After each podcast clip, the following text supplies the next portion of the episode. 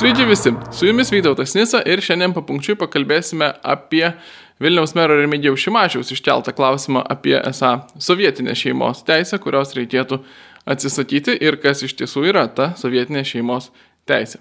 Kadangi balandžio mėno laikas deklaruoti pajamas ir skirti paramas nuo gyventojų pajamų mokesčio, kviečiame skirti savo 1,2 procento GPM jaunimo sambūriui Pro Patrijai ir taip paremti mūsų veiklą. Ačiū Jums. Įkarščio reklamuotis karo fone pagautas Vilniaus meras Remigijus Šimašius balandžio 10 dieną Facebook'e paskelbė sąrašą tariamai sovietinių reliktų, kuriais esą reikėtų atsikratyti Lietuvoje. Jo sąraše penki punktai - sovietinė šeimos teisė, statybų reglamentai, miestų planavimai, valstybės tarnyba ir karių rykiuotės. Labai jau keistas paskutinis punktas. Savaime šitas sąrašas būtų, na, tiesiog neprotinga nesąmonė, kurios nereikėtų aptarinėti, tačiau jis pasitarnauja kaip labai geras pavyzdys, jog net aukščiausiose šalies sluoksniuose vyrauja visiškas istorinis neraštingumas. Kur čia jis reiškiasi ir už ko užtybo visi pritarusiai šiam sąrašui ir panagrinėkime. Niekas Šimašiaus sąraše nėra išimtinai sovietiška. Norisi tikėtis, kad jis pats tą žino ir tiesiog šneka vardant skambesnės retorikos. Griežtomis taisyklėmis grįžta biurokratinė valstybės tarnyba, baudžianti už klaidas, o neskatinanti kūrybiškumą ir iniciatyvą, yra gerai žinoma e, taip pat ne vienam amžių vakarų Europoje ir išnagrinėta garsaus sociologo Makso Weberio dar iki susikuriant Sovietų sąjungai.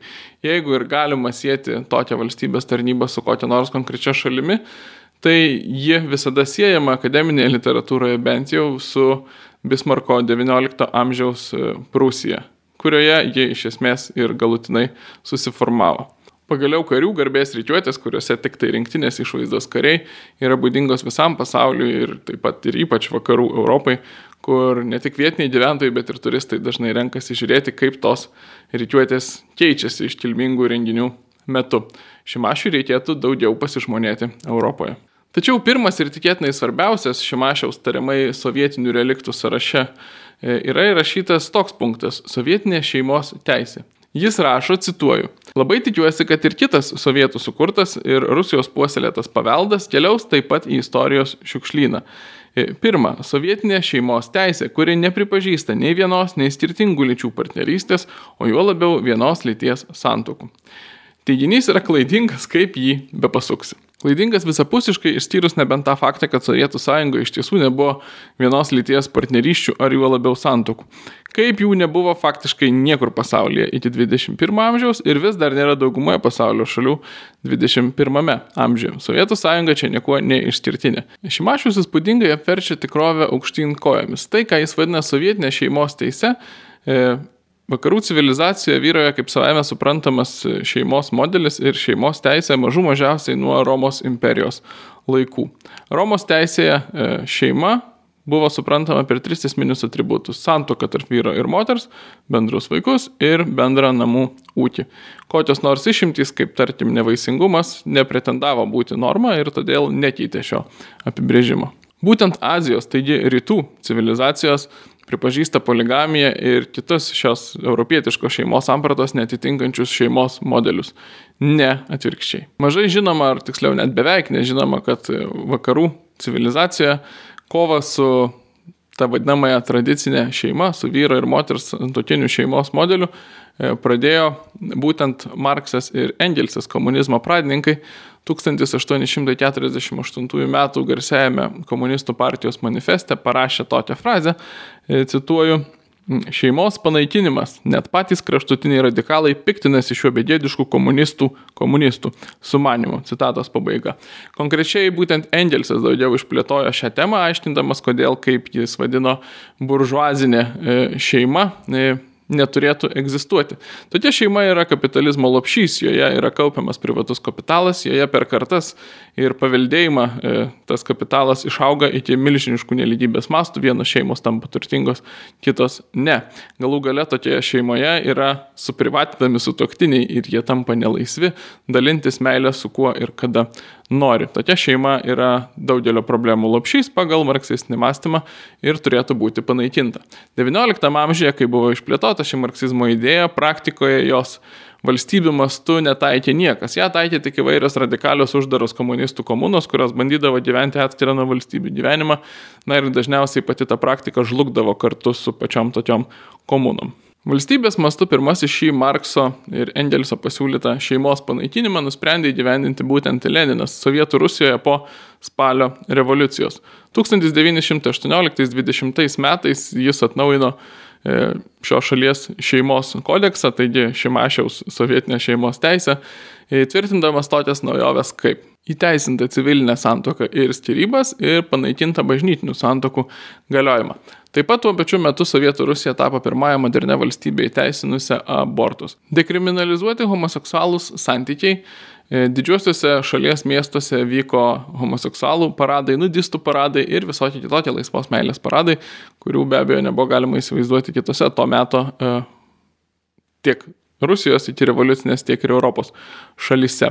E, tolyn nuo buržuazinės šeimos, kaip ją vadina marksistai, eita dar drastiškesniais žingsniais, e, sukuriant faktiškai vaikų auklėjimo komunas, šiandien sakytume savotiškus internatus, kur privalomai turėjo būti atiduoti e, Sovietų Rusijos piliečių vaikai mažame amžiuje ir jų auklėjimas patikėtas specialistams, kurie indoktrinuotų mažuosius sovietukus, o tėvai į auklėjimą kištis, na bent jau kažkiek metų negalėjo. Viena pagrindinių šių e, reformų, šios sovietinės šeimos teisės autorių buvo garsi komunistė ir feministė Aleksandra Kolontai, e, buvusi pavyzdžiui ne vienai naiviai e, aukštuomenės damai ir šiaip vakariečiams inteligentams Europoje ir Amerikoje tais laikais. Sovietinė šeimos teisė ir jų seksualinė revoliucija nelabai pasiteisino.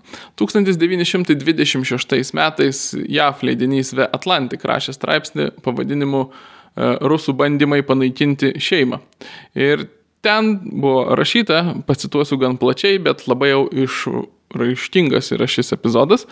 Taigi, E, Santokos instituto panaikinimo klausimas šiuo metu visoje Rusijoje aptarinėjamas taip aršiai ir aistringai, kaip negirdėta nuo maištingųjų ankstyvųjų revoliucijos dienų.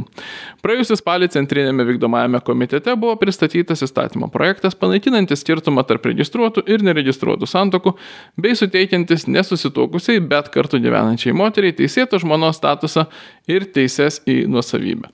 Tuo pačiu metu buvo išleistas įstatymas, leidžiantis vos per kelias minutės išsiskirti, o skirybų galėjo pareikalauti bet kuris iš sutoktinių.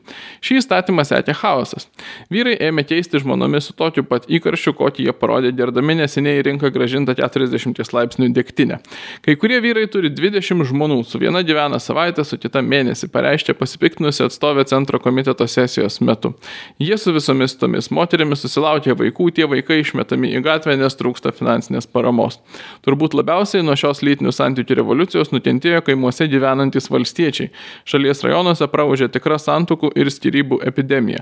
Valstiečiai išgyvenę santokoje po 40 metų staiga nusprendė mesti savo žmonas ir tuoktis antrą kartą. Valstiečių jaunuoliai į santoką žvelgia kaip jaudinantį žaidimą ir žmonas keitė keičiantis metų laikams. Tapo įprasta, kad 20 metais jaunuolis jau būtų tris kartus išsiskyręs, o tokio pat amžiaus mergina patyrusi 3 ar 4 abortus.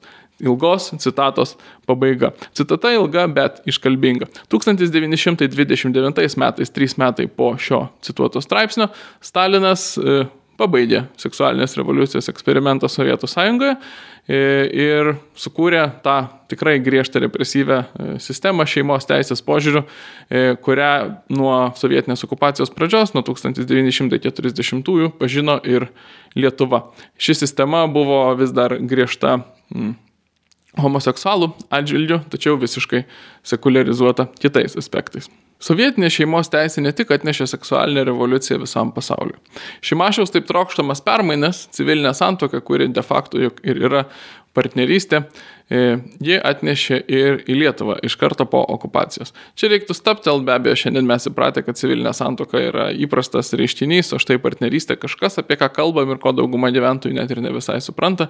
Partnerystė kaip atsiras nuo civilinės santokos dalykas susiformavo iš tiesų 20-ojo amžiaus pabaigoje, būtent LGBT judėjimo kontekste, kai pradėjo reikėti kažkokios juridinių santykių formos, kuri nebūtų santoka, nebūtų vadinama santoka, bet suteiktų tas pačias ar panašias teises ir būtų kažkiek priimtina visuomeniai, na, kaip tarpinis etapas. Tuo laikotarpiu ir atsirado, jeigu nesupainioju, 90-mečio pabaigoje Danijoje, na ir keliose kitose ten šalia esančiose šalise. Lietuva tuo tarpu iki 1940 metų, iki sovietinės okupacijos, turėjo galiojantį e, statutą, e, kuris numatė bausmes už homoseksualius santykius iki trijų mėnesių, e, tai buvo vadintas anguliavimu su vyriškiu, už abortą, už kurį buvo baudžiama taip pat laisvės atimimu ir pati motina ir padėję medikai, už įvairius kitus, na, pavadinkim, seksualinės moralės nusikaltimus. E, iki sovietinės okupacijos Lietuvoje egzistavo bažnytinė santoka, civilinė santoka įvedė sovietai. Net nešė sovietai į Lietuvą tik homoseksualumo toleravimą. E, po 1918-29 e, metais Sovietų Rusijoje vykusios seksualinės revoliucijos Stalinas šį elementą jau buvo panaikinęs. Vilniaus meras Šimašius kelbė, kad, vėl cituoju, e, Ukraina tikrai laimės ir labai tikėtina, kad išmes visą šį sovietinį šlamštą į šiukšlių dėžę. Ukraina tikrai laimės, bet labai tikėtina, kad neatsisakys nei vieno iš šių vakarų civilizaciją grindžiančių dalykų. Neatsisakys, nes jie nėra išimtinai sovietiniai, jie yra europiniai civilizacijai ir civilizacijai apskritai būdingi atributai, kurių nėra jokio reikalo atsisakyti. Požiūris į vadinamąją sovietinę šeimos teisę, e, kuri iš tiesų yra kaip tik antisovietinė, o civilizuota ir vakarietiška, Ukrainoje yra tvirtai įsišaknyjęs, ten labai mažai žmonių ir vis mažiau žmonių, jeigu lygintume užpraeito ir šio dešimtmečio apklausas, palaiko kokias nors kitas šeimos sampratas ir požiūrį, kad šeima gali būti vienalytė. Nėra prielaidų ir nebent tik kokia nors finansinė, nežinau, diplomatinė, politinė prievarta iš vakarų galėtų paskatinti Ukrainą pakeisti šį e, visuomenėje tvirtai įsišaknyjusi požiūrį. Šimašius teisus tiek, kad tikrai verta Lietuvai pasiekti šiuo požiūriu Ukrainos pavyzdžių. Apibendrinkime. Remigijaus Šimašiaus pasisakymas buvo ne tik visapusiškai klaidingas, jis rodo ir ypatingą istorijos neišmanimą. E, jeigu kalbėjo nuoširdžiai, Remigijus Šimašius iš tiesų nieko nežino apie šeimos teisės istoriją, kaip ir apie kitų jo paliestų sričių istoriją. O istorija tokia ir Lietuvoje tikrai ne tik Šimašiui, bet ir daug kam mažai žinoma, jog būtent e, iš marksistinių idėjų gimė ir būtent Sovietų Rusijoje, nekur kitur, buvo pirmą kartą valstybės lygių realizuota seksualinė revoliucija ir atsisakyta būtent to, ką Šimašius vadina sovietinė šeimos teise, Tai yra požiūrė, jog šeima galima tik tai vyro ir moters santokos pagrindu. Būtent sovietai pirmieji išbandė šio principo atsisakymą, būtent jie išbandė seksualinę revoliuciją ir visas galimas jos formas, būtent jie pirmieji jos ir atsisakė, o į Lietuvą e, sovietinis maras atėjo jau be šių naujovių, nuo jų apsivalęs. Vakaruose e, šios idėjos atgimė šaltojo karo metais, kaip 70-ųjų seksualinė revoliucija ir apie tai buvę kitų mūsų laidų. Tačiau šiandien, žiūrėdami atgal ir bandydami suprasti, kas vis dėlto yra šeima ir kas yra sovietinis požiūris į šeimą, e, pasistengime išmanyti istoriją ir neklysti taip baisiai, kaip klysta Remigijus Šimašius. Tiek šį kartą, ačiū Jums, sudėjau.